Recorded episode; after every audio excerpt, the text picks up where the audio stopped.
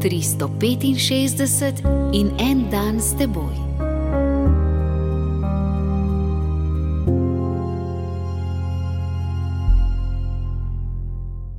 Iz Matejevega evangelija, 13. poglavje, vrstice od 27 do 29.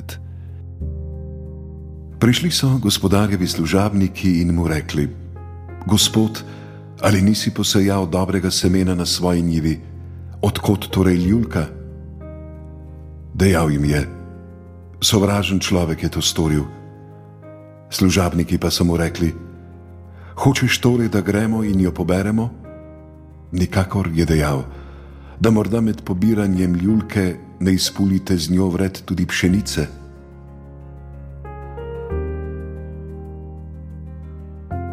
Prvi sin je zrasel v krasnega človeka, drugi pa je prava katastrofa.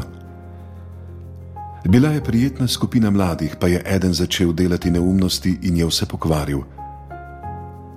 Karitativno delo je zelo dobro potekalo, na to pa ne da bi vedeli, kaj se je zgodilo, se je vse obrnilo.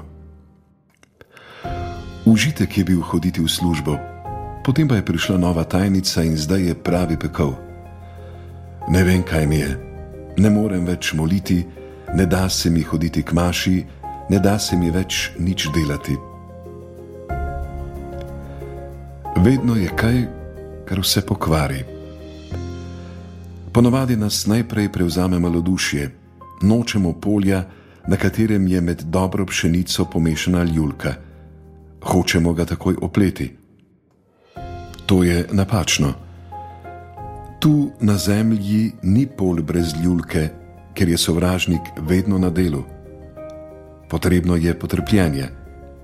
Samo Bog zna opleti polje, ne da bi poškodoval pšenice. Če bi Jezus hotel lepo polje brez plevela, ne bi imel ne prijateljev, ne učencev, ne apostolov. Še več, sploh ne bi prišel na zemljo.